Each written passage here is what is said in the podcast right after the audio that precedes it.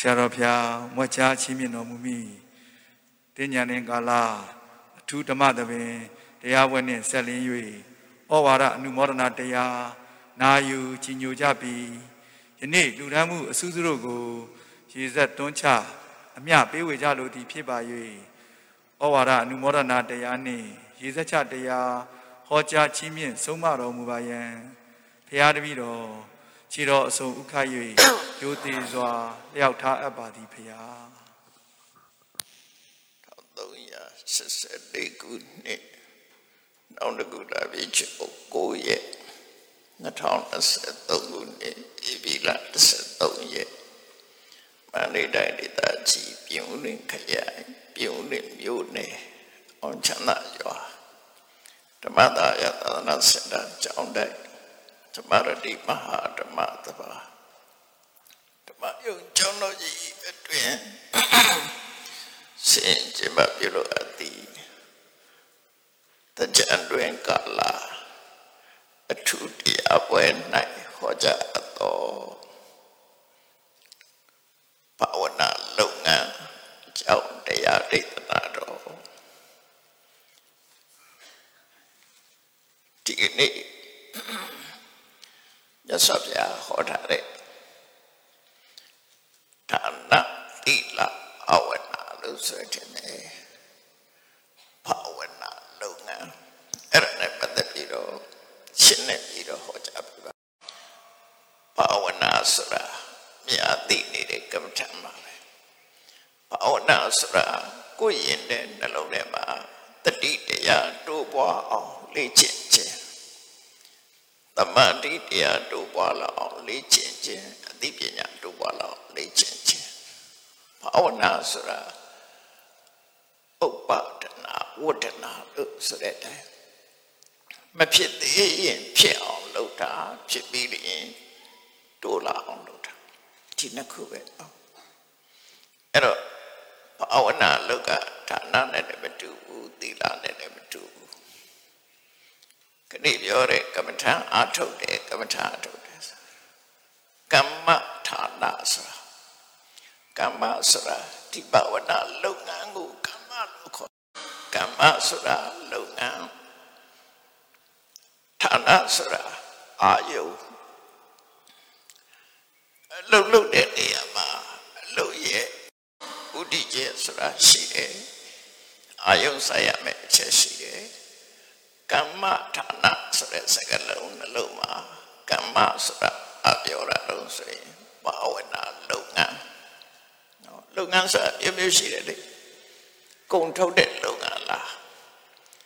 စာရေးတဲ့လုပ်ငန်းလားဖြန့်ဖြူးတဲ့လုပ်ငန်းလားမျိုးစုံရှိတယ်ပဲဒီနေရာမှာကမ္မလုပ်ငန်းဆိုတာဘာဝနာလုပ်ငန်းပြောတယ်ဘာဝနာဆိုတာဘာခေါ်ရတော့ ကိုယ့်ရင်ထဲမှာတတိတမာတိပညာမဖြစ်သေးရင်ဖြစ်အောင်လုပ်ခြင်းဖြစ်ပြီးလို့ရှိရင်တိုးပွားလာအောင်လုပ်ခြင်းအဲ့ဒီလုပ်ငန်းတော့လောကမှာလုပ်တဲ့လုပ်ငန်းတွေမှန်သမျှဥတ္တိယရှိရအဲ့တော့ဘာဝနာလုပ်ငန်းရဲ့ဥတည်ထားရမယ်ဟာကဌာနအဲ့ဒီဌာနဆိုတာဘာလို့လို့ဆိုရင် စိတ်နဲ့စိတ်ဆိုင်နေစိတ်နဲ့ဆိုင်ရမယ်နေရာစိတ်ထားရမယ်နေရာကြည့်ရမယ်နေရာဆိုလိုတာတော့ object အာယုံကိုပြောတယ်နော်ဘာဝနာလုပ်ငန်းရဲ့အာယုံကိုကမ္မထံလို့ခေါ်တယ်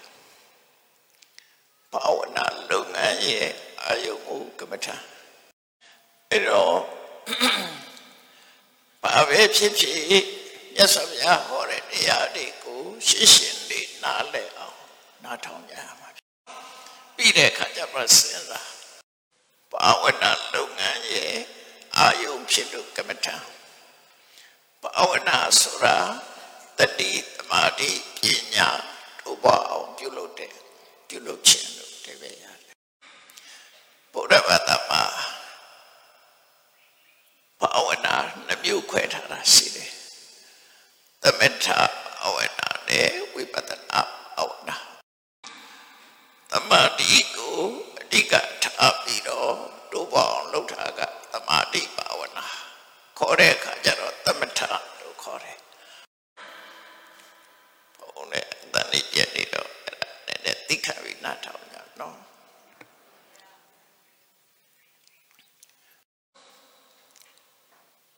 သမထဆိုတာစိတ်မငြိမ်သက်မှုတွေကို ငြိမ်အောင်လုပ်တာသူရဲ့အထိပ်ပဲကစကလုံးသုံးလို့ရှိရင်အဲ့ဒီစကလုံးရဲ့အထိပ်ပဲနားလဲဖို့လိုတယ်စကလုံးကလောက်ကံကိုဖော်ပြတာဖြစ်တယ်နော်နားမလဲလို့ရှိရင်လွဲမှာကုန်တယ်ဘယ်ကိစ္စပဲဖြစ်ဖြစ်စီပွားရှာတဲ့ကိစ္စပဲဖြစ်ဖြစ်ဘာလို့လို့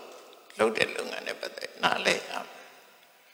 နားလဲပြီးလုံးမှာအမှားမှန်ဆိုသိတယ်ဒါကြောင့်သမထဆိုတာ မငြိမ့်သက်မှုတွေကိုငြိမ့်သက်တော့အောင်လုပ်တာသမထဘာဒီမငြိမ့်မသက်ဖြစ်နေတယ်ဆိုရင်စိတ်ထဲမှာလောဘဖြစ်နေရင်မငြိမ့်ဘူးဒေါသဖြစ်နေရင်မငြိမ့်ဘူးတွေးပြီးတော့ပူးနေရင်မငြိမ့်ဘူးစိတ်ရောက်ရက်ခတ်နေရင်မငြိမ့်ဘူးစိတ်အားတွေရောကြပြီးတော့အချင်းထိုင်ပိုင်းနေရင်လည်းဒါစိတ်ငြိမ့်ဘူးလို့ခေါ်တယ်တန်တရားဖြစ်နေရင်လည်းစိတ်မငြိမ့်ဘူး အဲ့ဒီစိတ်မငြိမ့်တဲ့အခြေအနေတွေကိုငြိမ့်သက်သွားစေတာကသမထသမထရဲ့အဓိကဥတီချက်ကပါတော့တမာတိတမာတိဆိုတာအာယုတစ်ခုတည်းပေါ်မှာစိတ်ကိုကြာကြာထားတာဟိုအာယုဒီအာယုမရွှေ့စေပဲနဲ့လူရဲ့စိတ်ဟာမြောက်နေတူတယ်မြောက်ဆိုတာဒီတကိုင်းဆွဲကိုင်းလိုက် လွတ်လိုက်ဟိုတဲ့ကိုင်းဆွဲကိုင်းလိုက်လွတ်လိုက်ဟိုခုန်ဒီခုန်သွားနေတာအငြိမ့်မနေဘူးပြောတာနော်တကိုင်းတကိုင်းအမြဲတမ်းကိုင်းထားတာမဟုတ်ဘူးဒီတကိုင်းလွတ်လိုက်ဟိုတဲ့ကိုင်းကိုင်းလိုက်နေတကိုင်းနေပေါ်မှာခုန်လွှားနေတာစိတ်ကလည်းထို့တူပဲဒါအကိုအာယုပြုလိုက်ဟိုအကိုအာယုပြုလိုက်နေစိတ်တွေကခုန်ကြောပြန်လွှားမငြိမ့်မသက်ဖြစ်နေတာအဲ့ဒါကိုငြိမ့်အောင် ငြိမ့်တော့အောင်လုပ်တာသမထလို့ခေါ်တယ်ဒါကတခုနော်သမထကစိတ်ငြိမ့်ဖို့အဓိကထားတယ်ဒုတိယဘာဝနာဆိုတာဝိပဿနာဝိပဿနာဆိုတာမြင်ရိုးမြင်စဉ်မြင်တာမဟုတ်ပဲနဲ့ဝိဆိုတာထူးထူးခြားခြားပဿနာမြင်တာကိုယ်မြင်ဟာ different vision ပေါ့ဆိုလိုတာထူးခြားတဲ့အမြင်ဝယ်ပြချမ်းသာတဲ့အမြင်ဒါပြင်ဘယ်လိုဝယ်ပြချမ်းသာတာတော့ဆိုရင်တာမန်ပုဂ္ဂိုလ်တွေကပြောမယ်ဆိုရင်သူတို့ထင်တယ်ငါတို့ထင်တယ်တရဝလို့ထင်တယ်လူလို့ထင်တယ်နတ်လို့ထင်တယ်အရာဝတ္ထုတွေလို့ထင်တယ်အဲ့ဒါယူရထင်မြင်ချက်ပဲအဲ့ဒီယူရထင်မြင်ချက်နဲ့မတူဘူး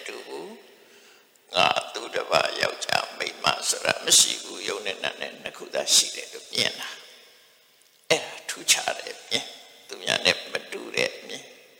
နောက်တစ်ခုကအများကမြဲတယ်ခိုင်မာတယ်လို့မြင်တယ်ဝိပဿနာနဲ့ကြတော့မမြဲဘူးမခိုင်မာဘူးလို့မြင်တယ်အများမြင်တာကချမ်းသာတယ်လို့မြင်တယ်ဝိပဿနာမြင်ကြတော့ချမ်းသာတာမရှိဘူးဒုက္ခပဲဖြစ်တယ် အများမြင်တာကကိုလို့ရင်ဖြစ်တယ်လို့ကိုလိုတိုင်းဖြစ်တယ်လို့မြင်တယ်ဝိပဿနာကြတော့ကိုလိုတိုင်းမဖြစ်ဘူးလို့မြင်တယ်အဲ့ဒါ different vision ပဲကျန်တာတွေကိုစัจ jime မြင်တာတွေအကုန်လုံးဝိပဿနာပြောတာမဟုတ်ဘူးနော်စကလုံးဆိုတာကတ္တချက်ရှိတယ်အမအများမြင်နေတဲ့အတိုင်းမမြင်မနဲ့ထူးထူးခြားခြားပြန်တာ သို့တော့စပိကျန်ကနေမှာဝိပဿနာရဲ့အထိပ္ပယ်ကိုဖွင့်တဲ့အခါမှာဝိဝိတိဟိအာကာရိဟိအနိစ္စတိလက္ခဏိပတ္တနာဝိပဿနာအနိစ္စဒုက္ခအနတ္တဆိုတဲ့ထူးခြားတဲ့နော်ပုံစံမျိုးနဲ့ရှုံနဲ့နေပေါ်မှာရှုမြင်တယ်လို့ပြောတာ နော်အနိစ္စလို့မြင်တယ်ဒုက္ခလို့မြင်တယ်အနတ္တလို့မြင်တယ်ဒါကိုဝိပဿနာလို့ခေါ်တယ်အဲ့တော့ဒီ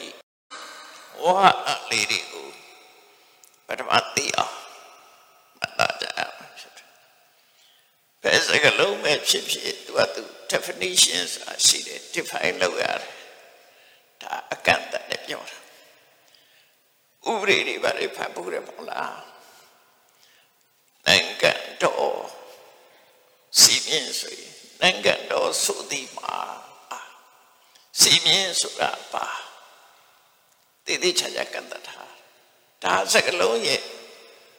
ကျေဝမှုကိုကန့်တတ်ပေးတာအခုလည်းပဲကမ္မထာလှုပ်လှုပ်တယ်ဆိုတာကမ္မထာအာယုကမ္မထာဆိုတဲ့အတိတ်ပဲတွေအလုံးဟာသူကသူကန့်တတ်ထီပေါက်မှုမကြော်ရဘူးလို့ဆိုလိုတယ်နော်အဲ့တော့ဒါက ဘာဝနာလုပ်ငန်းနဲ့ပတ်သက်ပြီးတော့အတိတ်ပဲအားလဲအောင်ပြတာအေးဓမ္မပြေမှာကမ္မထံပြတာလေအာရွေးရှိတယ်ဘယ်ကမ္မထံမဲ့ပြပြပြီးတကသုံးပုံနဲ့မှာပါရဖြစ်ရမယ်နော်ပြီးတကသုံးပုံနဲ့ညီရမယ်မညီဘူးဆိုလို့ရှိရင်တော့ဒါကဘုရားဟောတာမဟုတ်ဘူးပေါ့ဆိုလိုတာက အဲ့ဒါလေတတိထားကြရမှာဖြစ်တယ်ပေါ့အနုဘုဆိုလို့ရှိရင်ဟိုဘုန်းကြီးကတမျိုးဟောတယ်ဒီဘုန်းကြီးကတမျိုးဟောတယ်ဆိုတော့စိတ်ထဲမှာစဝေးစောအရေးဖြစ်လာတယ်အဲ့တော့စံထားစရာပိဋကသုံးပုံရှိတယ်ဘုန်းကြီးတို့ခေါ်မဲ့ဟာကစာအုပ်နဲ့စာထမ်းပြီးတော့စံထားတဲ့အတိုင်းရှင်းပြမှာပဲဖြစ်တယ်နော် ကိုတွေ့ကမ္မထာဆိုတာပြုတ်မပြောဘူးဖျားတွေ့တယ်ကမ္မထာမပြောနော်တခါတည်းအကြည့်ပေါ့ရွှေကုန်းဖျားပေါ့ပဲတက်ကြည့်ကိုတွေ့ဆိုတာပြောပြတော့မဟုတ်ရွှေကုန်းဖျားအကြောင်းတမိုင်းစာအုပ်ကိုဖတ်ထားတယ်စာတွေ့ဘယ်ဟာကပြည့်စုံတယ်လဲတွေ့ကြည့်လိုက်လေ ကိုတွေးကပြည့်စုံတာလားစာတွေးကပြည့်စုံတာလားစာရဲမှာပြည့်စုံအဲ့ဒါကိုမြင်တာကိုမြင်တာပဲပြောတာမမြင်တာတွေအများကြီးပဲဟုတ်တယ်မလားဟိုဆိုလိုတာကကိုတွေးကိုတွေးဆိုတာကိုလူတွေကအထင်ကြီးကြလို့ပြောတာထင်ကြီးနဲ့သူတွေးကိုတွေးဆိုတာဟုတ်ချင်ပါလေဟုတ်ဒါကဖះဟောထားတဲ့အတိုင်းပဲမှန်ဟုတ်တယ်မလား ကိုတွေ့တယ်ဆိုတာကိုမြင်တာပြောတာလေကိုမမြင်တာတွေကပြာကြီးပဲကိုခဏကိုတော့ကိုနောက်စီကိုမြင်မှမမြင်ရကိုတည်းရဲ့နောက်ချမြင်မှမမြင်ရဟုတ်တယ်မလားကိုမတွေ့တာတွေပြာကြီးအဲ့တော့တွေ့တာသာအမှန်မတွေ့တာအမှားလို့ပြောရင်ရောမှန်မှမလားမှန်ဘူးအဲ့ဒါကြောင့်မလို့ဆုတ်လို့ရက အခုကစားရဲပြီးတယ်မှာပိဋကသုံးပုံဆိုထားတဲ့ဟာကိုရှင်းပြီးတော့ဟောမှာဟောမှာနော်ရှင်းပြီးတော့ဟောတဲ့အခါမှာတခြားပုဂ္ဂိုလ်တွေဟောရတဲ့မတူတာရှိရင်ကွယ်လွဲနေတာရှိရင်တော့ဩဒါသူကတမျိုးဟောတာပဲသူကတမျိုးဟောတာပဲဒါမှတ်ထားကျင်းစရာမဟုတ်ဘူး သူဟာမှမနဲ့ငါမှမနဲ့မညင်နဲ့ဘယ်တော့မှမညင်နဲ့မြတ်စွာဘုရားလည်းညင်အကုသိုလ်ပဲဖြစ်တယ်ကိုချိုက်တာကိုလို့လောကကြီးကကိုချိုက်တာကိုလို့ကြတာပဲမဟုတ်လားကိုသွားခြင်းနဲ့လမ်းသွားလိမ့်ဒါရှိသွားညင်မနေနဲ့ဩသူပြောတာကတပြိုပဲစားရဲရှိတာဒီလိုရှိတယ်ဘုန်းကြီးကပြောမှတော့စားရဲရှိတာပြောနော် စားရဲရှိတာကိုနားလဲအောင်ရှင်းပြပါဘာလို့လို့ဆိုကိုလေးတိစာသင်ထားလို့ဒီအသိရတာလေစာကလာတဲ့အသိဟာလွဲ့တော့တာမရှိဘူးဟုတ်ဆရာတော်ကြီးနှစ်ပါးပြောတယ်ဆိုတဲ့အစင်လာမှတ်သားခဲ့တဲ့စကားလေးတစ်ခုပြောပြမယ်ပမပြေမှာကမ္မထန်နဲ့ပတ်သက်ပြီးတော့စာပေနဲ့ပတ်သက်ပြီးတော့ နာမည်ကြီးတဲ့ဆရာတော်ကြီးတွေအများကြီးရှိတဲ့တဲ့ပဲမုံရမျိုးကလေတီဆရာတော်မန္တလေးမျိုးကမဟာဝိသုဒ္ဓယုဆရာတော်မင်းတို့မင်းလက်ထက်ကနော်မင်းတို့မင်းလက်ထက်ကမဟာဝိသုဒ္ဓဆရာတော်အဲ့ဒီမဟာဝိသုဒ္ဓယုဆရာတော်လေတီဆရာတော်ဆိုတာတခိတဲ့ပေါ်တယ်ပေါ်ပြီမဲ့လို့ဝိသုဒ္ဓဆရာတော်ကငါးဝါးငါနှစ်ကြီးတယ် တယ်ဒီဆရာတော်တဲ့ငါနှစ်လောက်ချီတယ်နော်တယ်ဒီဆရာတော်ငယ်တယ်တယ်ဒီဆရာတော်ကစာရေးလို့ရှိရင်သူကသူစက်ကူတွေနဲ့ရှေ့ရတယ်ရှိတယ်ဒီပတိတွေဖတ်ကြည့်တွေ့တယ်နော်သူကြိုက်တာလေးတွေထည့်ပြီးတော့ဝိသရောဆရာရတော့စားတဲ့အတိုင်းပဲရှင်းရေးဒါတဆင်ကြပါဟုတ်တယ်မဟုတ်တာတော့ဘုန်းကြီးကိုယ်တိုင်ကြားတာတော့မဟုတ်ဘူးတဆင်ကြပြော စမှတ်ပြုကြတာပေါ့နော်အဲ့မှာနှစ်ပါးတွေ့တဲ့အခါမှာလေဆရာတော်ကြီးကပြောတယ်ဆရာတော်ကစာရေးတဲ့အခါစာရိုက်စာတဲ့အတိုင်းရေးတာကိုလို့ပြောတယ်အဲ့တော့ဝိသရောဆရာကြီးကပြောတယ်စားတဲ့အတိုင်းမရေးပါကုန်မှာပေါ့ဗျာတဲ့ဒီတခုမပြော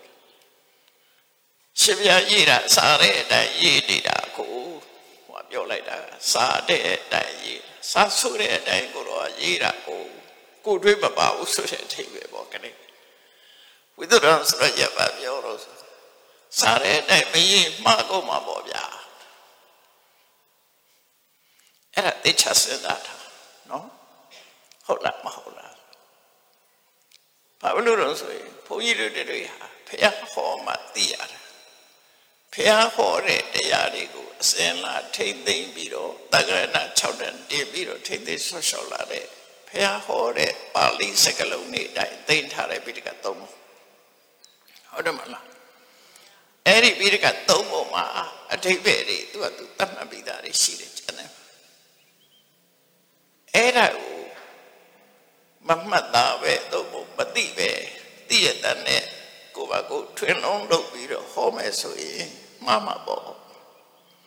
ဖခင်ကဒီလိုပြောထားတယ်ကိုကတမျိုးပြောတယ်တခါတော့ကဘုန်းကြီးတို့စီတောင်းတခါကြီးတယောက်လာပြီးတော့ပြောဦးတယ်ကာမတဏဝတဏဝိဘဝတဏဆိုပြီးတော့တဏသုံးမျိုးကြားဦးကြတယ်နော်အတိဘယ်အမှန်ကကာမတဏဆိုတာ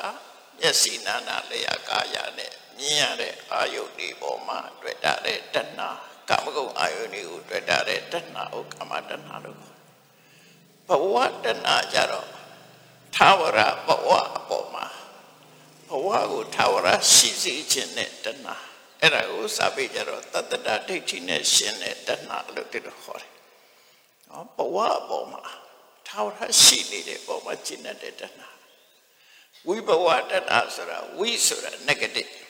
ဘဝကထာဝရရှိနေတာဝိဘဝဆိုတာထာဝရမရှိတာဘဝမရှိတာကိုကြိုက်တယ်ဘဝရှိနေတာကိုကြိုက်တယ်ဘဝမရှိတာကိုကြိုက်တယ်ဘဝတဏှာဆိုတာအတ္တဒိဋ္ဌိအမြင်နဲ့ကြည့်တဲ့တဏှာဝိဘဝတဏှာဆိုတာဥစ္စေရဒိဋ္ဌိအမြင်နဲ့ကြည့်တာနော်အဲ့ဒီလိုဟောတာကိုစာပေကျမ်းမှာအဓိပ္ပာယ်ဖွင့်ဆိုပြီးသားရှိတယ်အဲ့ဒီတက္ကတယောက်ကဘာလျှောက်တော့ ဝိဘဝတဏဆိုတာကိုတဲ့သူကဝိဘဝဆိုတာတချို့နေရာမှာစီးစိတ်ဥစ္စာဆိုတာရှိတယ်လေသူကအဲ့ဒီအဓိပ္ပာယ်ကိုဒါအသစ္စာလုပ်ပြီးတော့ဝိဘဝတဏဆိုတာစီးစိတ်ဥစ္စာတွေပေါ်မှာတွေ့တာတဲ့တဏလို့ယူချင်ပါတယ်ဟာတကကြီးအဲ့လိုယူလို့ပဲရမလဲလို့ဖခင်ကသူကကတ္တပိသကာမတဏထဲမှာပါသွားပြီခုနဟာဟုတ်တယ်မလားစီစိန်ချမ်းသာဆိုတာလေကာမတဏထဲမှာပါတယ်လေ အဲ့ဒါကိုထွင်ပြီးတော့ဝိဘဝတဏတော့အဲ့ဒီလိုလူမျိုးတွေလည်းရှိသေးတယ်လားဘာပဲဖြစ်ဖြစ်စကလုံးဆိုတာအတိဝေကတ္တထားတဲ့အတိုင်းပဲမှားရတယ်စာပေကျမ်းကမှမှတ်ပြီးသားရှိတယ်အဲ့ဒါကိုအလွယ်ပြောလို့ရှိရင်ဒါမမှန်မှုလို့ပြောတာမမှန်မှုပြောတာအဲ့ဒီလိုဟာမျိုးတွေအများကြီးရှိတယ်ဟုတ်ပြီအဲ့တော့ သူတို့အကိုဟောမယ်ပြောမယ်ဆိုလို့ရှိရင်စာပေကိုသိချလေလားစာရဲမှာအရာကိုရှင်းဟောရှင်းဟောတဲ့အာကိုယ်အကြိုက်ကိုပြောခြင်းစာရဲမှာတော့လို့ပေါ်တယ်အာဒီလိုတွေးပြီးလေပြောလို့ရတယ်နော်ကိုယ်အကြိုက်ပြောခြင်းပြောလို့ရတယ်ဒါပေမဲ့ကိုယ်အကြိုက်စာဖရာအကြိုက်ဟောချင်မှာဟုတ်မယ်အဲ့တော့ဘုန်းကြီးတို့တွေဟာဓမ္မ ဒါဘာကြောင့်ပြောရတာတော့လို့ဆိုလို့ရှိရင်နော်အတိညာဖြစ်ဖို့ရအတွက်အကြောင်းနှစ်ခုရှိတယ်အကြောင်းနှစ်ခုဆိုတာအတွင်းအကြောင်းနဲ့အပြည့်အကြောင်းအတွင်းအကြောင်းဆိုတာ internet cause internet condition အပြည့်အကြောင်းဆိုတာ external cause external condition နော် isata beheda အကြောင်းဟာနှစ်ခုနှစ်ခုရှိတယ်မြဲတယ်အတွင်းအပြင်နှစ်ခုပေါင်းစားပေါင်းစပ်မှရလတ်တစ်ခုထွက်တယ်ဆိုပါစို့အတိညာဖြစ်ဖို့အတွက်အပြင်အကြောင်းကပါတော့တရားနာခြင်းနာထောင်ခြင်းဒါအပြည့်အကြောင်းလို့ခေါ်တယ်တစ်ဖက်သားကပြောတာကိုနာထောင်တယ် စာသင်နာရီကဒါနားထောင်တာပဲလေအပြည့်အကြောင်းနေပဲလေဘာသင်သင်သင်ကြမှုအကြောင်းအရာတွေကိုနားထောင်နားထောင်နေဆိုတာသင်ယူတာပဲအဲ့ဒါကအပြည့်အကြောင်းအတွင်းအကြောင်းဆိုတာကမမကကစဉ်းစားတတ်မှုပြောနေတော့မလဲဒီကအပြင်းကြောင့်ကိုပရတော်ခေါ်တာလို့ခေါ်တယ်အပြင်းဘက်က တင်ပြပြောဆိုတဲ့အကြောင်းအရာပရတော်ခေါ်တာဖះဟောရင်ဖះဟောတဲ့တရားပရတော်ခေါ်တာအဲ့ဒီပရတော်ခေါ်တာတစ်ခုတည်းနဲ့မရဘူးကိုယ်အတွင်းကနေမမှန်ကန်ကန်စဉ်းစားတတ်မှုဆိုတဲ့ယောနိတော်တဲ့ကရာရှိရ wise attention အဲ့ဒီနှစ်ခုပေါင်းမှပညာစွာရတယ်အကယ်၍အပြင်အကြောင်းကအမှားကိုခေါ်တယ် ကိုကအမှားကိုအမှန်လက်ခံလို့ရှိရင်အမှန်အိနဲ့ကိုယ်စိတ်နဲ့အကြိုက်တွေ့သွားလို့အမှန်အမှန်ဖြစ်လက်ခံလိုက်တာမစ္ဆဒိဋ္ဌိဖြစ်သွားတယ်လွယ်မတဲ့အတိတစ်ခုဖြစ်သွားမှန်ကန်တဲ့အတိမရနိုင်အဲ့ဒါကြောင့်မြတ်စွာဘုရားကတရားဟောတယ်တရားဟောတယ်သာဓုကံသူနောထဗန္တတိကရောထသူနောထသာဓုကမနတိကရောထ နားဆိုင်ပြီးတော့ထောင်းစိတ်ထဲကတခြားမရောက်အောင်ခူးဆိုင်ပြီးတော့နှလုံးသွင်းဒါသိရေးချလို့ပဲပါနားထောင်တဲ့အခါသိချနားထောင်လိုက်မှဗာပြောတယ်ဆိုတဲ့အတိပဲအရှိရှိနေပြီးရင်နားထောင်ပြီးရင်မေ့ပြလိုက်ရမလားနားထောင်ပြီးရင်ရင်နဲ့နှလုံးထဲမှာမှတ်ထားခိုင်ခိုင်မာမာမှတ်တာဟောထားတဲ့အတိုင်းမှတ်တာမှတ်ထားပြီးပြီးပြီလားမပြီးသေးဘူး စဉ်းစားဩရသော်ဗျာသူဟောတာလက်ခံမှုပြောတာမဟုတ်ဘူးနားထောင်နားထောင်ပြီးတော့မှတ်တာမှတ်တာပြီးတော့စဉ်းစားစဉ်းစားပြီးတဲ့အခါကျတော့မှအဖြေထွက်လာလိမ့်မယ်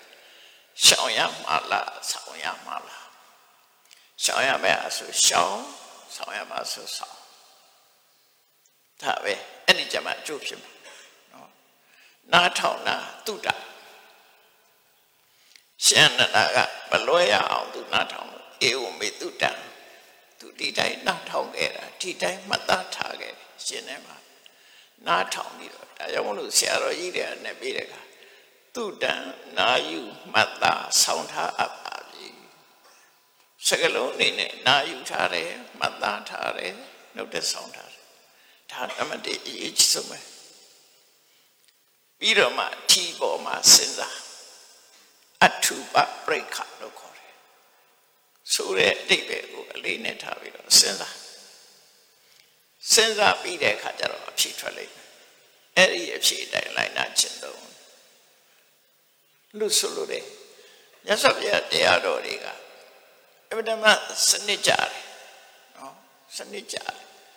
ဘုရားဟောတဲ့တရားတွေကအမြဲတမ်းစနစ်ကြတယ်အဲ့ဒီဘုရားဟောတဲ့တရားထပ်ဖြည့်စရာလည်းမရှိဘူး ဖယ်နှုတ်စရာလည်းမရှိဘူးတကယ်အကုန်လုံးပြည့်စုံဒါမို့ကေဝလာပြိပုံနာပြိတုတ်တာကေဝလာပြိပုံနာလုံးဝပြည့်စုံပြိတုတ်တာလုံးဝအမှားကင်းလို့ဆိုလို့လုံးဝအမှားကင်းလုပ်ဖို့ပဲလုပ်တယ်နော်လုပ်ဖို့ပဲလုပ်တယ်အဲ့ဒါကြောင့်မို့အခုဒီကနေ့ဘာဝနာလုပ်ငန်းနဲ့ပတ်သက်ပြီးတော့ နောက်ရက်တွေလည်းအဲ့ဒါကိုဆက်ပြီးရှင်းပြပေးမယ်ကမ္မထာအလုပ်ဆိုတာအမျိုးစုံရှိတယ်သမထကမ္မထာရဲ့အာယုခုနကဘာဝနာကမ္မဘာဝနာလုပ်ငန်းရဲ့အာယုနေ40ရှိတယ်နော်အလုံးတော့ကြောက်ကြလိမ့်မယ်ဒီကမ္မထံ40ကမ္မထံ40ဆိုသို့တော့ကမ္မထံ40ဟာ ပါဠိတော်မှာကြတော့ကမ္မထံ38ဖြစ်တယ်40ပဲပြအောင်အထက်ကရာတွေမှာကြတော့40ပြတယ်ဘယ်နှစ်ခုရှုပ်လျော့နေတယ်ဘယ်နှစ်ခုထပ်ဖြည့်ထားတယ်ဆိုအလောကကတိုင်းနဲ့အကတကတိုင်းအဲ့ဒီနှစ်ခုထပ်ဖြည့်ထားဘာလို့ထပ်ဖြည့်ထားတော့ဆိုရင်ဒီဘက်စက္ခုရတဲ့ပုဂ္ဂိုလ်ဒီအလောကကတိုင်းကိုဖွာရတယ်နော် နောက်တစ်ခါရူပဝဆရဆံကနေပြီးတော့အရူပဝဆရဆံကိုတက်တဲ့ပုဂ္ဂိုလ်ကြတော့အကတဖိကိနာတွေအတွက်တော့လိုအပ်ဖို့တလောက်ချီဒါကြောင့်မို့ကမ္မထာဟာ38သို့တော့အဘိဓမ္မတသင်္ညုကျမ်းကနေစပြီးတော့အတိပြုထားတယ်ဝိသုဒ္ဓိမမကမ္မထာ40ကမ္မထာ40မှတ်ထား အဲ့ဒီကမ္မထာ40က40လုံးလောက်ရမှာမဟုတ်ဘူးကိုယ့်ရဲ့ choice ပဲကိုကြိုက်တာကြည့်ကိုယ်စရိုက်နဲ့ကိုယ်အနေထားနဲ့ကြိုက်တာကိုသုံးမှု40ဟောထားတာဖြစ်တယ်နော်ကြိုက်တဲ့ကမ္မထာတစ်ခုလုပ်လို့ရတယ်အဲ့ဒီထဲမှာကမ္မထာ40ထဲမှာစတုဓာတုဝဝဌာနာဆိုတဲ့ကမ္မထာတစ်ခုပါတယ် နော်စတုဓာတုဝဝဌာနာစတုဆိုတာလေးဓာတုကဓာတ်ဝဝဌာနာက analyze လုပ်တာခွဲခြားစိတ်ဖြာပြီးတော့သိတာခွဲခြားစိတ်ဖြာပြီးတော့သတ်မှတ်တာအဲ့ဒီစတုဓာတုဝဝဌာနာဆိုတာအတွေ့ခေါ်လို့ရှိရင်ဓာတ်ကမ္မထာပေါ့နော်ဓာတ်ကမ္မထာအဲ့ဒီဓာတ်ကမ္မထာဟာ သမထာရဲပြထားတယ်တမာတိလုပ်ငန်းအတွက်ဒီဓာတ်ကမ္မထာကိုပေးတာဖြစ်တယ်သို့တော့သူသိရမှာသဘာဝလက္ခဏာတွေပြမှာဆိုတော့ဒီကမ္မထာကပဲနည်းနည်းလေးပြောင်းလိုက်တာနဲ့ဝိပဿနာဖြစ်တာတချို့ကမ္မထာကြတော့ဖြောက်ရမယ်ဖြောက်ပြီးမှတက်လို့ရတယ်အာယုံပြောင်းရမယ်ဒါကြတော့အာယုံပြောင်းเสียမလို့ဘူး ဒါကိုဆက်ရှုခြင်းအဖြစ်ဝိပဿနာလမ်းကြောင်းကိုပြောင်းကူးလို့ရတယ်အဲ့တော့နာရှင်းအောင်ဥပမာတစ်ခုပြောပြမေတ္တာကမ္မထာဆိုတာမေတ္တာကမ္မထာဆိုတာရှုံးနံကိုပွားရတာမဟုတ်ဘူးပုဂ္ဂိုလ်တ attva ကိုပွားရမှာနာမည်တက်ပြီးတော့မေတ္တာပို့ဟုတ်လားသိသွားတဲ့ပုဂ္ဂိုလ်တော့ပွားလို့မရဘူးသက်ရှင်တဲ့ပုဂ္ဂိုလ်မေတ္တာဘာဝနာပွားကမ္မထာအနေနဲ့ပြောတာ object ကို သိတဲ့ပုဂ္ဂိုလ်အသုံးမချလို့မရဘူးနောက်အမျိုးသားဆိုရင်အမျိုးသားပြည့်ပုဂ္ဂိုလ်မျိုးသမီးကလည်းအမျိုးသမီးလိန်တူဖြစ်ရမယ်လိန်ွယ်မဖြစ်ရဘူးဘာလို့လဲဆိုမေတ္တာကမ္မထာကပျက်စီးသွားနိုင်တယ်ပေါ့ဒါကြောင့်မေတ္တာကမ္မထာဆိုတာကိုကိုနဲ့အခင်မင်းဆုံးတငယ်ချင်းအမျိုးသားဆိုရင်အမျိုး သားတငယ်ချင်းအမျိုးသမီးဆိုရင်အမျိုးသမီးတငယ်ချင်းအဲ့ဒီပုံမှာသူအစဉ်ပြေပါစေကျမ်းပါပါစေချမ်းသာပါစေစားကိုကြိုက်တဲ့စကားလုံးလေးနဲ့သူမျက်နှာကိုအာယုံပြုပြီးတော့ပွားပုံကိုအနေနဲ့ပွား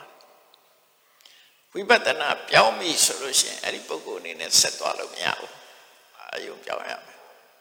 ဘာဖြစ်လို့လဲဆိုရင်ဝိပဿနာကပုဂ္ဂိုလ်တရားရှိတယ်လို့လက်ခံထားတာမဟုတ်ဘူးဒါကြောင့် မို့မေတ္တာတုတ်ရကြတယ်မို့လားဒိဋ္ဌိစာအနုပကမ္မသီလဝါဒတနေနာတမနောဆိုအဲ့ဒီဒိဋ္ဌိဆိုတာအဲ့ဒါပြောအဲ့ဒါကိုဖယ်လိုက်ပါတရားဆိုတဲ့အတွေ့အခေါင်းနဲ့ဝင်နေတယ်အဲ့ဒါကိုဖြောက်လိုက်မေတ္တာစိတ်ကိုပြောင်းအာရုံပြုလိုက်အာရုံပြောင်းပေးရမယ်ဝိပဿနာကုရင်အဲဒီစတုတ္တဝါဟုဌာနကမ္မထာကြတော့အာယုံပြောင်းပေးစရာမလိုဘူးဒီအာယုံပေါ်မှာဆက်သွားမယ်လို့ဆိုလိုတယ်နော်ဒီ ကဲစပြီးတော့ပြောပြမယ်စတုတ္တဝါဟုဌာနဆိုတာဒီကမ္မထာကို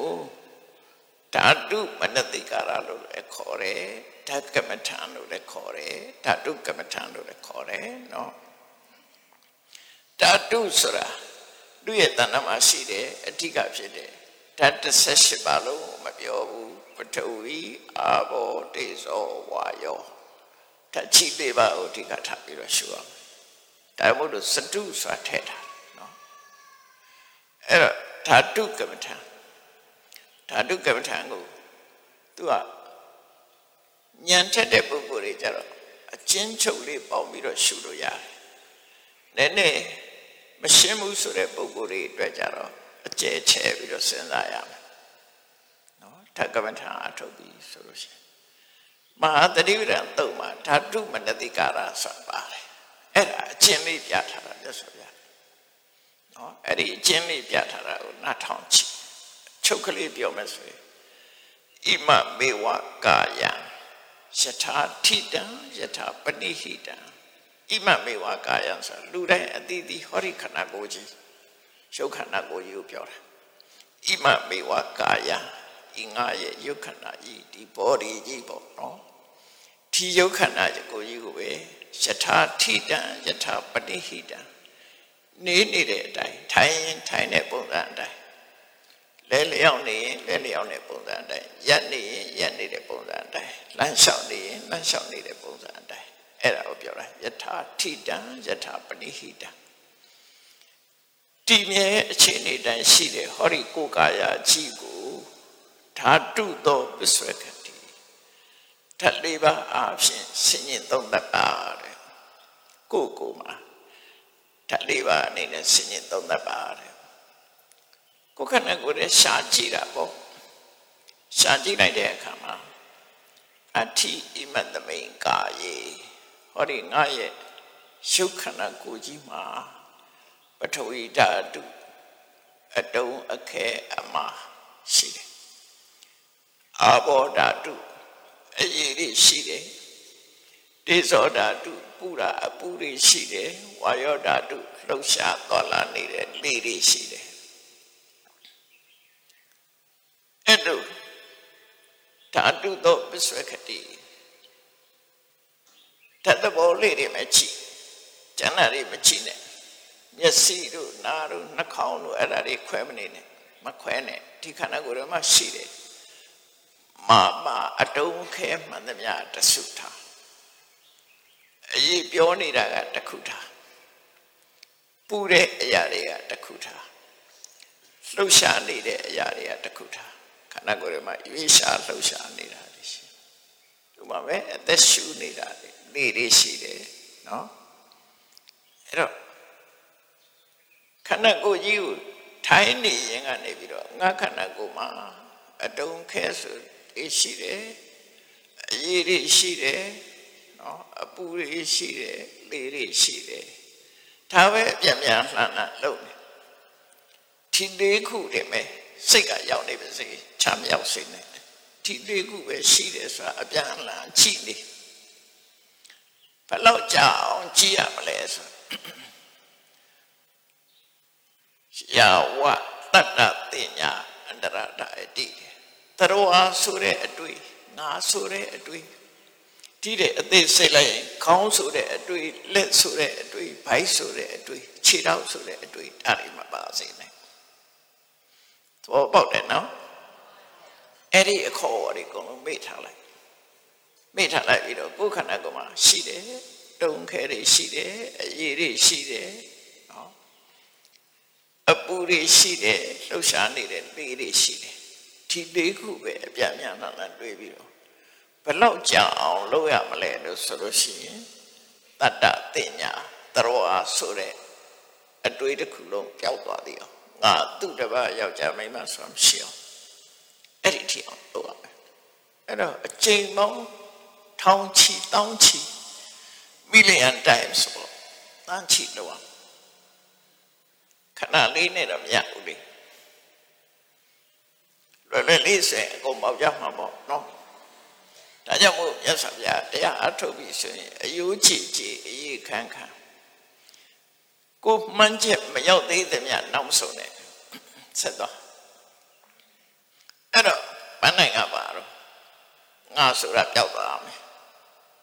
တတဝါဆိုတာပျောက်သွားမယ်အလုံးအဘသူကြည့်လိုက်ကြည့်လိုက်ဒီလေးခုပဲမြင်နေရဟိုကြားဘူးတယ်မဟုတ်လား အယုစုကမ္မထံအထုတ်တဲ့တိဟိုကျောင်းကမထေကြီးတပါစေတီရတောင်ကနေပြီးတော့အနုရရပူရမြို့တဲ့ကိုဆွမ်းကန်ကြွလာတယ်လမ်းရောက်တဲ့အခါကျတော့အမျိုးသမီးတူနဲ့လမ်းမဆုံနဲ့ဆုံတဲ့အခါမှာအဲ့ဒီအမျိုးသမီးကမထေကြီးဒီနာမှာလူသူမရှိတဲ့အခါမှာသူကပြုံးပြလိုက်တော့မထေကြီးကသူ့ကိုကြည့်လိုက်တာသွားရမြင်တယ် သွားရမြင်ရနေသူကအယုစုကမ္မထာအထုတ်တဲ့ပုဂ္ဂိုလ်ဆိုတော့အကုန်လုံးသွားရကြီးပဲသွားနေဆက်ပြီးအယုစုကြီးပဲမြင်နောက်ကလိုက်လာတဲ့သူ့ရဲ့အမျိုးသားအရှင်ဗျာဒီနာတက္ကမတယောက်သွားတာမြင်လိုက်သလားပြီးတော့အဲ့မထေကြီးကဖြေတာကြည့်အေးမြို့သားလားမြို့သမီးလားငါမသိလိုက်ဘူးလေအယိုးစုကြီးတခုတော့သွားလေဒီနာငါတွေးလိုက်တာတော့အယိုးစုကြီးသွားတာတော့တွေးလိုက်တယ် အဲ့ဒါသူကပ္ပထာအာယုဘလောက်ကောင်းသွားပြီတော့ကြည့်ပေါ့နော်အယိုးစုလိုပဲမြင်တယ်ဘသူမြင်မြင်အယိုးစုကြီးပဲမြင်တော့တယ်အဲ့လောက်ထီအောင်ရှုရမယ်လို့ပြောတာအဲ့တော့ဆယ်ရစခန်းနဲ့လည်းရကြမှာရအောင်ဆယ်ရစခန်းကတက်တက်စခန်းလို့အောင်ဖြစ်ဟုတ်တယ်မလားစိတ်အားမလျှော့နဲ့စိတ်အားလျှော့ဖို့ပြောတာမဟုတ်လှုပ်နေဖို့ရကိုတောင်းပဲလှုပ်နေလို့ရှိရင်ပွန်းပြတ်တော့ပြတ်သွားမှာတနေ့ မလှုပ်ခဲနေတော့ဘယ်ဟာမှမရဘူးအဲ့တော့ဆိုလိုတဲ့တိုင်းတာတစ်ခုကယာဝတတ္တတိညာအန္တရထာယတိတဲ့တရောအားဆိုတဲ့အတွေ့ပျောက်သွားသည့်ထိုင်အောင်လုပ်ပါတဲ့နောက်တစ်ခုကဓာတုဝတိနေဝစိတ်တန်ဒိဋ္ဌတိသူစိတ်ထဲမှာဓာတ်လေးပါပဲမြင်တာကျန်တော့မြင်တော့မြတ်စွာဘုရားပေးထားတဲ့ဥပမာလေးတစ်ခုပြောပြ ဒါဘုရားကိုယ်တိုင်ပေးတဲ့ဥပမာမဟာသတိပဋ္ဌာန်တုတ်ကိုနားထောင်ကြည့်ဖွင့်ကြည့်အဲ့ဒီမှာမဟာသတိပဋ္ဌာန်တုတ်မှာအဲ့ဒီဥပမာနဲ့မြတ်စွာဘုရားဟောတာဓကမထံထဲနော်ဖျားပေးတဲ့ဥပမာပါလဲဆိုရင်နွားတသမတယောက်အမဲသာရောက်တဲ့နွားတသမတယောက်နွားတသမတယောက်ဟာနွားကိုအမဲဖော်ဖို့ဆွဲလာတဲ့အချိန်မှာလည်းပဲသူနွားလိုပဲမြင် တယ်တတ်နေတဲ့အချိန်လည်းနွားလိုပဲမြင်တယ်အကောင်ဖြတ်နေတဲ့အချိန်လည်းနွားလိုပဲမြင်တယ်အရေးစုပ်အကောင်ဖြတ်နေနွားလိုပဲမြင်တယ်အေးအမေသားတွေတုံးတက်ပြီးဆေးပို့လိုက်ပြီးဆိုတဲ့အခါကျတော့နွားဆိုတဲ့အတိတ်သူကောင်းတယ်မှရှိသေးလားအမေသားရောက်နေတယ်ဟုတ်လားတန်နေတဲ့အချိန်မှာသူနွားဆိုအမေသားရောက်တဲ့အချိန်မှာနွားဆိုတဲ့အမှတ်တင်ညာပျောက်သွားပြီ အဲ့ဒါမျိုးလို့တရဝဆိုတဲ့အမှတ်တင်ညာပျောက်ပြီးတော့ထက်လေးပါအပေါ်မှာပဲစိတ်ရောက်နေရမယ်အဲ့လိုဆိုလို့တယ်ကိုယ်မှာပါရရှိတယ်တုံခဲရရှိတယ်ရေးရှိတယ်အပူရှိတယ်လေးရှိတယ်ဒါပဲလေးရှိတယ်အပူရှိတယ်ရေးရှိတယ်တုံအပြန်အပြန်လှမ်းလာအဲ့ဒါထိုင်ပြီးတော့အာရရချိနေပြီတော့ ဟိုရှောက်ရွှေဒီရှောက်ရွှေရွှေမနေနဲ့ဒီတစ်ခုတည်းပဲလို့ဒါဓာတုကမ္မထာပြောတယ်နော်ဘယ်လောက်ထိအောင်လုပ်ရမှာတော့တတဝါဆိုတဲ့အမှတ်တင်ညာပျောက်သွားသည့်ထအောင်လို့လက်တို့ခေါင်းတို့ခြေတို့ကိုယ်ရင်ကအခေါ်ပေါ်တွေပျောက်သွားသည့်ထအောင်လို့ဟုတ်တယ်မလားအဲ့တော့ဒါကရသော်ဖြာဟောတဲ့ဤတိုင်းပြပြတာနော် စားရပေတယ်မှာမလွယ်အောင်လို့ဘုံကကိုမှတ်မိနေလွယ်ပြောမှဆိုလို့စာအုပ်ပါယူလာတာဓာတုဝဋ္ဌာဏကမ္မထာအဲ့တော့ဒီစားတဲ့အတိုင်းသူ့အတိုင်းဒါလို့ဒါကအချင်းချုပ်ကလေးဒီဒီလေးခုတည်းပဲမှတ်နေတယ်ဘလောက်မှတ်ရမှာတော့ခုနပြောတယ်တရဝဆိုတဲ့အမသိညာပျောက်သိထီအောင်လုပ်ပါဒါကမ္မထာမယ်ကောထာမယ် ဟိုကမ္မထာနေမှာကမ္မထာတက်ရင်နဲ့တမာတိလေးရလာတဲ့အခါလူကခန္ဓာကိုယ်ရက်ပေါ်သွားတာတို့ခုနလေးသွားတာတွေတို့အခုမြင်ဒီမြင်နဲ့ meditation မူပြီးကြည့်ဖို့အာမကုန်နဲ့အဲ့ဒါအဲ့ဒါလမ်းနေလွဲကုန်နေပဲကိုသွားတဲ့လမ်းကြောင်းမဟုတ်ဘူးအဲ့ဒါဇာလာ meditation မူပြီးဆိုကြားဖို့ကြတယ်မဟုတ်လားစိတ်ထဲမှာပေါ်လာတဲ့အရေးတွေအယောင်တွေပေါ်မှာပျော်မွေးပြီးတော့မလေး ကိုကိုဟုတ်လာပြီထွက်လာပြီးတော့ယဟန္တာဖြစ်သွားပြီသောတာပန်ဖြစ်သွားပြီ ਨੇ အဲ့လိုတွေဖြစ်တတ်တယ်နော်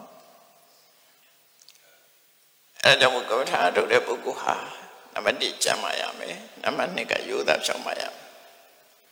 နံပါတ်3ကသရရှိရမယ်သရရှိရမယ်ကျမ်းမာရမယ်ယောသားရမယ်အဲ့ဒါသိအရေးကြီးတယ်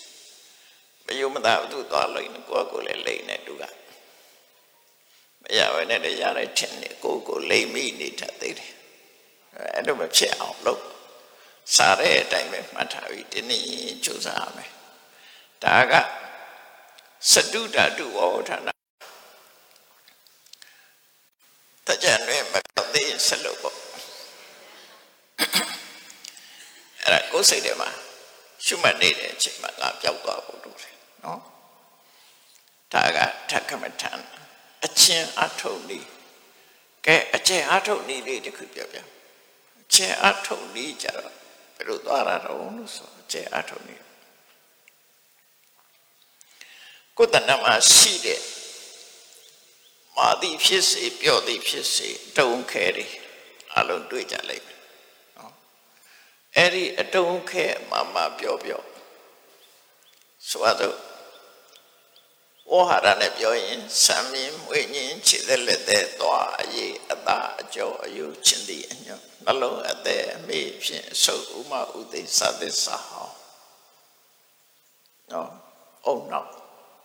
အဲ့ဒါတွေကတုံးခဲတွေကျွဲအဲ့ဒါကိုပထဝီဓာတ်20လို့ခေါ်တယ်32ခုတာသားနဲ့သွားတယ်အမြင့်တက်ထားတဲ့ပထဝီဓာတ်20ပေါ့အဲ့ဒါလို့အမြင့်မတက်ချင်ဘူးဆိုလို့ရှိရင်ငါတဏ္ဍမှာရှိတဲ့ အတုံးခဲအမမှန်သမျှဟာအတွင်းအစ္ဆဒယုတ်တိဖြစ်တယ်ဒါကိုအရင်ဒါကိုအရင်တွေ့အောင်အရင်ရှာမယ်ဒါပထဝီဓာတ်ကြည့်ပဲကြည့်တာနောက်တစ်ခါထို့တူအဘောဓာတ်ငါတန်တမှာရှိအဖြစ်ပြောင်းလဲနေတဲ့ဓာတ်သဘောတွေရှိတယ်ဒါအဘောဓာတ်ကိုကြည့် နောက်တစ်ခါငါတန်တမှာအပူအနေနဲ့ဖြစ်နေတဲ့ဓာတ်သဘောတွေရှိတယ်နောက်တစ်ခုကငါရဲ့တန်တမှာလေသဘောတက်ရောက်နေတဲ့ဓာတ်သဘောတွေရှိတယ်တစ်ခုချင်းတစ်ခုချင်းတစ်ခုချင်းရှိတယ်ရှိတော့အဲ့ဒီတသဘောတွေကိုကိုယ်ကဘလို့ထင်နေတာတော့ဥပါဒိဏငါဟာလို့ပဲထင်နေတယ်ငါလို့ပဲထင်တယ်ဟုတ်တယ်မလားဆပင်ဆိုတဲ့ငါဆပင်လို့ထင်တာပဲလေ အယိုးဆိုတဲ့ငါအယိုးလို့ပဲထင်တာပဲလေသားလည်းငါအသားလို့ထင်တယ်အဲ့ဒီလို့ဆွဲလန့်တဲ့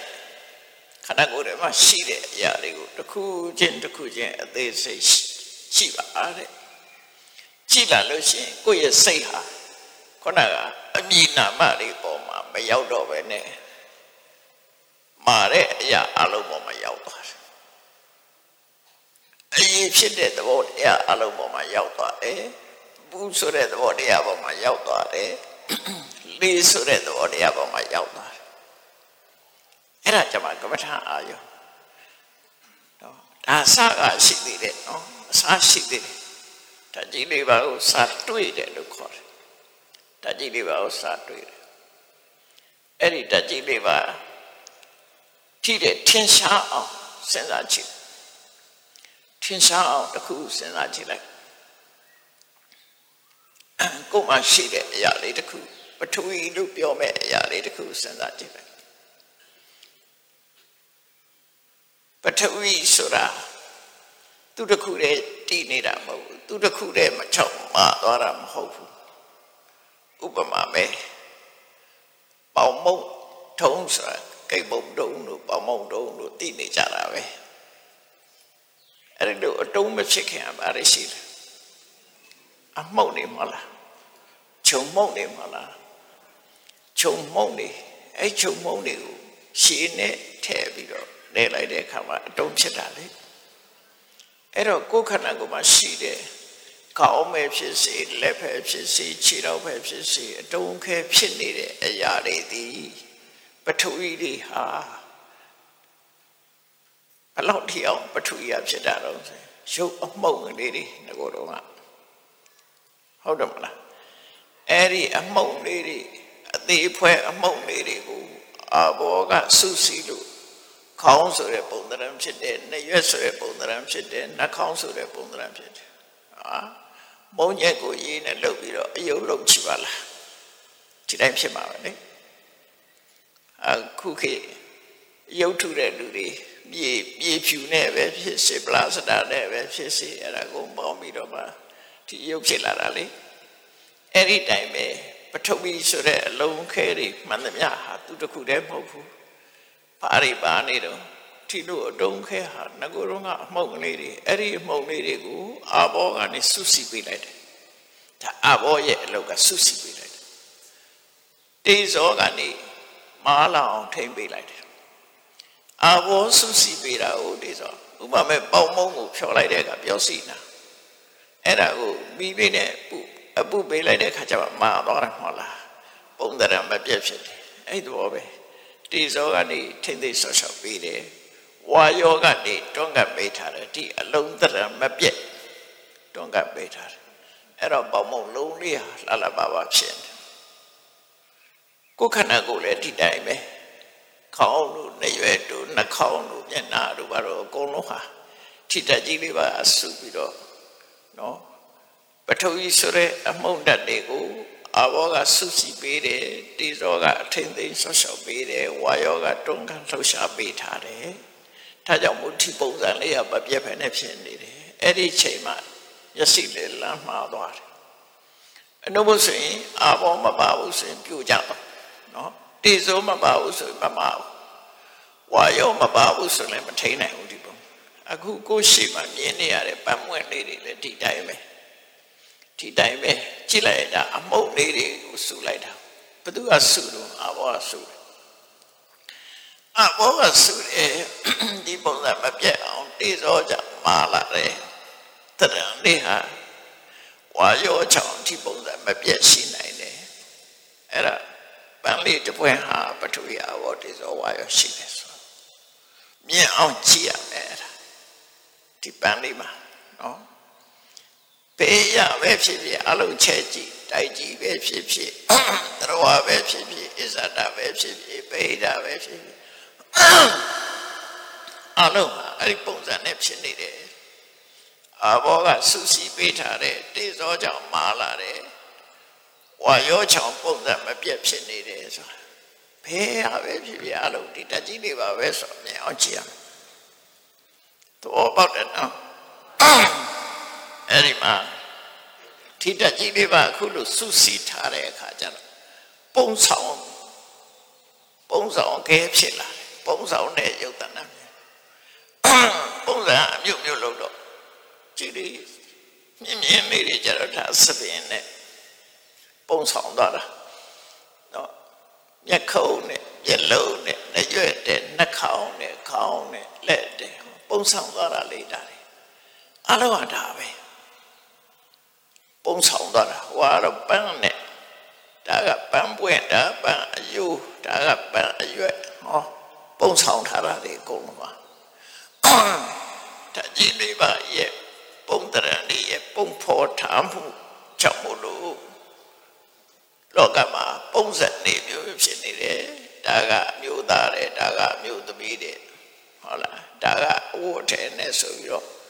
လောကကြီးမှာ အဲ့ဒီလိုမျိုးမျိုးစိတ်ကူးချမ်းစီစရာတွေဖြစ်လာတယ်စိတ်ကူးချမ်းစီစရာဖြစ်လာတော့ဘာတွေတိုးပွားလာတော့ဆိုလောဘတွေတိုးပွားလာတယ်ဒေါသတွေတိုးပွားလာတယ်အကယ်၍ထပ်လေးပါအတိုင်းသာထားမယ်ဆိုရင်လောဘလည်းဖြစ်စရာမရှိဘူးဒေါသလည်းဖြစ်စရာမရှိဘူးဟုတ်တယ်မလားဒီကာကကမ္မထံအထုတ်တဲ့ဆိုတာဖြစ်နေတဲ့လောဘကိုမဖြစ်အောင်တားဖြစ်လာမဲ့ဒေါသကိုမဖြစ်အောင်တား အမှန်မသိတဲ့မောဟမဖြစ်အောင်လုပ်ထားပဲဖြစ်တယ်တခုကဒီ subjugate လုပ်တယ်တစ်ဖက်ကိုဖြည့်ဆည်းတယ်တစ်ဖက်ကိုတိဆောက်တယ်ကပ္ပထာလို့ဆိုတာနော်မှားနေတာကိုဖယ်ဖြည့်ပြီးတော့အမှန်ကိုတိဆောက်တာကိုမှားတာပြီယောက်ျားမိန်းမခေါင်းခြေလက်ဆိုတာတွေကအထင်နဲ့မှားနေတာလေအဲ့ဒီမှားနေတာကို ဓာတ်ကြီးတွေပါဆိုရယ်အမှန်ပဲကိုဒါကို absolute truth လို့ခေါ်တယ် absolute truth အဲ့ဒီတဲ့ပို့ပြီးတော့သိစိတ်ဆရာမရှိတော့ဒါနောက်ဆုံးမှပဲနော်ဖတ်စိတ်ဆရာလို့နောက်ဆုံးမှဓာတ်ကြီးတွေပါဟုတ်ပဲမှာဘာမှမရှိတော့နောက်ဆုံးအမှန်ရအောင်လို့အဲ့ဒီအမှန်ကနေတဖြည်းဖြည်းပြောင်းလဲလာတဲ့အခါမှာဒါကသူ့ဒါငါနဲ့မတည့်တဲ့လူဒါကပါညာဟောလောဘတွေဖြစ်တယ်ဒေါသတွေဖြစ်တယ်ကိလေသာအတ္တဝါတွေပွားပြီးတော့ ရွှေဆိုတာနဲ့ရှုံတုံးဆိုတာနဲ့တန်းနဲ့ကြီးမယ်ဆိုရင်တူတူရမနေဘူးလားဒါပဲရွှေကြတော့မမောတဲ့လူတွေရှုံတုံးကြတော့မလို့ချုံရွှေကြတော့လို့ချင်ဘာဖြစ်လို့ပုံဆောင်ထားတာလေပုံဆောင်တာပြီးတော့လူလောကမှာဒါတတ်မိုးရှိတယ်ဆိုအမှတ်တင်ညာဒါတတ်မိုးမရှိဘူးဆိုတဲ့အမှတ်တင်ညာအဲ့ဒီအမှတ်တင်ညာတွေရဲ့ဒီလှုပ်ဆောင်မှုကြောင့် ဒါကရွှေဒါကမြေမတူတာတတ်မိုးရှိတာတတ်မိုးမရှိဘူးဆိုလူတွေကသတ်မှတ်တော်တာပဲသတ်မှတ်တော်တဲ့အလိုက်မှာလောဘတွေလိုက်ဖြစ်နေကြတယ်အဲ့ဒီသဘောကိုပြောတာဖြစ်အာနော်အဲ့တော့ကိုယ်တဏ္ဍမှာဘာတွေဖြစ်နေလဲလောဘတွေဖြစ်တယ်ဒေါသတွေဖြစ်တယ်မောဟတွေဖြစ်တယ်မှမသိတဲ့မောဟကြောင့်ဘုလို့လောဘဒေါသတွေဖြစ်ရတယ်နောက်တစ်ခုရေးဆိုတော့နေ့စဉ်တောက်သုံးနေကြတဲ့ရေးကြတော့ကြည့် ဒီရေးဆိုတဲ့စုစည်းတတ်တဲ့သဘောလေးကိုရှုတကတာအပန္နနာကာရဖုတာပါဠိလိုအဲ့လိုရေးထားချင်နော်စုစည်းတာဥမာမဲ့အောင်မုံကိုရေးအောင်မုံခြုံမုံတွေကိုရေးထည့်လိုက်တဲ့အခါကျတော့အဲ့ဒီအမုံလေးတွေကစုစည်းပြီးသားဖြစ်သွားတယ်ဘယ်သူကစုစည်းလိုက်တာတော့ရှေးကစုစည်းလိုက်တာအကယ်၍ရေးမရှိဘူးဆိုဒီအလုံးလေးတွေက တစ်ခုတည်းတစ်ခုကပ်မှာမဟုတ်ဘူးလေဒါမှမဟုတ် cohesion လို့လည်းပတ်သက်ပြန်အာဘောစုစည်းပြီးအဘဒနာစုတာအဲ့တော့စုလိုက်ပြီးတော့စုထားတဲ့အခါမှာဒီစုတဲ့သဘောတရားကဘယ်မှာရှိတာတော့ဆိုပထဝီဆိုတဲ့အပါကပေါ်မှာရှိတယ်အဲ့ဒီမှာတေဇောရဲ့ထိမ့်သိဆောရှောမှုဝါရောရဲ့တွန်းကန်မှုချောင်မှုလို့ ရှုကြပြောက်ွယ်မသွားပဲနဲ့စုစည်းထားတဲ့အတိုင်းရှိနေရတယ်အဲ့တော့ရည်ထဲမှာလည်းတက်ကြည့်လေးပါပဲနော်တက်ကြည့်လေးပါရှိတယ်အဲ့ဒီကြတော့ရှည်တတ်တယ်များလာတဲ့အခါလူကတ္တကွာပါတော့ဖောင်းဖောင်းအီအီဘဝဆိုးဆိုးလေးဖြစ်လာတယ်အဲ့ဒါအဘောဓာတိတက်လာတယ်အဲ့ဒါကိုပဲသွားပြီးတော့တွေ့တာပြန်ရောနှစ်တာပြန်ရော အာလာတယ်ဝါတယ်နဲ့ဖြစ်လာတယ်အဘောဓာကသေုပ်ဆောင်တယ်နောက်တစ်ခုကတိဇောဓာဆိုတာစားတဲ့အစာအစာတွေကိုကြည်သွားစီတယ်ပေါ့အပုဒ္ဓအဲ့ဒီအပုဒ္ဓအလည်းပဲပထဝီပေါ်မှာယက်တည်နေတာဖြစ်တယ်အာဘောကဆုစီပေးထားတာဖြစ်တယ်ဝါယောဆိုတဲ့ထောက်တွန်းကထားလို့ဒီပုံပန်းတန်တဟာအရှင်းရောက်ဟာလှပတဲ့အသွင်ကိုဆောင်းလာတယ် နော်ရှင်းကျက်လာတဲ့အခါကျအယောင်ရင်းတွေကွပြချာနာလာတယ်ဒီပန်းလေးတွေဆိုမတူဘူးအရွက်ကလေးတွေဆိုမတူဘူးအသွင်တရဏိပြောင်းလဲပြီးတော့ဆောင်းလာတယ်အဲ့ဒါပုတ်ပြီးတော့မသွားဘူးရှိထားတဲ့အနေတစ်ခုတည်းကပုတ်မသွားတာတေဇောရဲ့ဆွမ်းဆောင်မှုလို့တူတူခေါ်တယ်နောက်တစ်ခုကဝါယောဓာတုဆိုတာ ခဏကိုယ်တွေတစ်ခုနဲ့တစ်ခုဆက်သွယ်နေအောင်လေကနေပြီးတော့ပို့ဆောင်ပေးနေတယ်အဲ့ဒီဒီဆိုတဲ့ဝါယောဓာဟာပထဝီပေါ်မှာတည်နေတယ်အဘောကစူးစီးပေးထားတယ်တေဇောကထိမ့်သိဆောရှောက်ပေးထားတယ်ဒါကြောင့်မို့လို့ဒီဝါယောဓာတ်ဟာလည်းပြိုကျပျက်စီးသွားတာမရှိဘူးဝါယောကိုအကြောင်းပြုပြီးတော့လူတွေဟာလှုပ်ရှားသွားလာပြောဆိုနိုင်တာဖြစ်တယ်နော် လှုပ်ရှားသွားလာတာလက်လှုပ်တယ်ခြေလှုပ်တယ်စကားပြောတယ်ဆိုတဲ့ဟာတွေအဲ့ဒီဟာတွေကဝါယောဓာတ်ရဲ့စွမ်းအားနဲ့ဖြစ်လာတာလို့အဲ့ဒီလိုအသေးစိတ်တစ်ခုစီတစ်ခုစီပြန်ရှုတာတစ်ခုချင်းတစ်ခုချင်းစဉ်းစားပြီကမ္မထံဆိုတာဝိပဿနာကမ္မထံဆိုတာကမ္မထကမ္မထမှာအာယုတစ်ခုတည်းပေါ်မှာစိတ်ဆိုင်ထားတာဒါကြတော့တကြီးလေးပါဆိုတဲ့အရာပေါ်မှာစိတ်ဆိုင်ထားတယ် ဒါကြောင့်မို့ကကြည့်ရင်သူ့ကိုသမထကမ္မထံလို့လည်းခေါ်လို့ရတယ်တကြီးလေးပါအပြင်မရောက်စေပဲနဲ့တကြီးလေးပါအတွင်မဲ့စိတ်ဆိုင်ထားတယ်ဧကကတ one pointedness အယုံတစ်ခုတည်းပေါ်မှာသူထားတယ်ဆိုတဲ့အဓိပ္ပာယ်ရတယ်နော်သို့တော့တစ်ခုနဲ့တစ်ခုဟာတော့ဝါချင်းမတူကြဘူးမတူတာတွေကခွဲလို့မရအောင်ပေါင်းစပ်ထားတယ်ပထဝီတေဇောဝါယောထိတက်ကြီးလေးပါကို ခွဲထားလို့ရမလားညခွဲကြည့်ပါလားပေါင်းမုံတစ်ခုကိုရေကိုဖယ်ထုတ်လိုက်အမုံလေးဖယ်ထုတ်လိုက်အပူလေးဖယ်ထုတ်လိုက်ရက်တိလို့ရပါမလားရနိုင်ဘူးမြုံမုံလေးအထီအောင်ဓာတ်ကြီးလေးပါဆုစီထားတာဒီပန်းပွင့်တိုင်းပန်းပွင့်တိုင်းမှာလည်းဓာတ်ကြီးလေးပါဆုစီထားပြီးသားဖြစ်တယ်အချိုးချပေါင်းစပ်ထားတဲ့အခါမှာဗျာတခါတခါပထဝီက ညာနေတာရှိတယ်တခါတခါအာဘောကညာတာရှိတယ်တခါတခါဝါယောကညာတာရှိတယ်တခါတခါတိဇောကညာတာရှိတယ်အားလုံးဟာရုပ်ဝတ္ထုမှန်သမျှဒီလေးခုပေါင်းစပ်ထားတာပဲလို့တွေ့အောင်ရှာအဲ့ဒါမှတရားတွေ့ပဲဆိုတာဖြစ်မှာနော်ဒီမြတ်စွာဘုရားဟောတာတဲ့ဒီတရားကိုတွေ့အောင်ရှာရမယ်ဒါကတရားတွေ့တာဟာဒါကို သဘာဝလက္ခဏာရှုတော့ကတွေ့တာဒါပထမအဆင့်ပဲရှိသေးတယ်ညတပရိညာလို့ခေါ်တယ်သိရမယ်ဟာသိတာပဲရှိသေးတယ်ဝိပဿနာမရောက်သေးဘူးနော်ဒါဝိပဿနာမဟုတ်သေးဘူးသို့တော့ကိုယ်တဏ္ဍမှာတလေးပါတွေ့ပြီလားဆိုတာအဓိကကြတယ်အဲ့ဒါကိုအရင်စူးစမ်းအဲ့ဒါကြောင့်မို့ဒီကနေ့ပထမအဆင့်အနေနဲ့ဒါလေးပါကိုတွေ့အောင်ပြီးတော့ထင်းထင်းရှားရှားကြီး သိတဲ့သိလာအောင်ကြည်ကြပွားများစူးစမ်းအထောက်နိုင်ကြပါစေကုန်သတည်း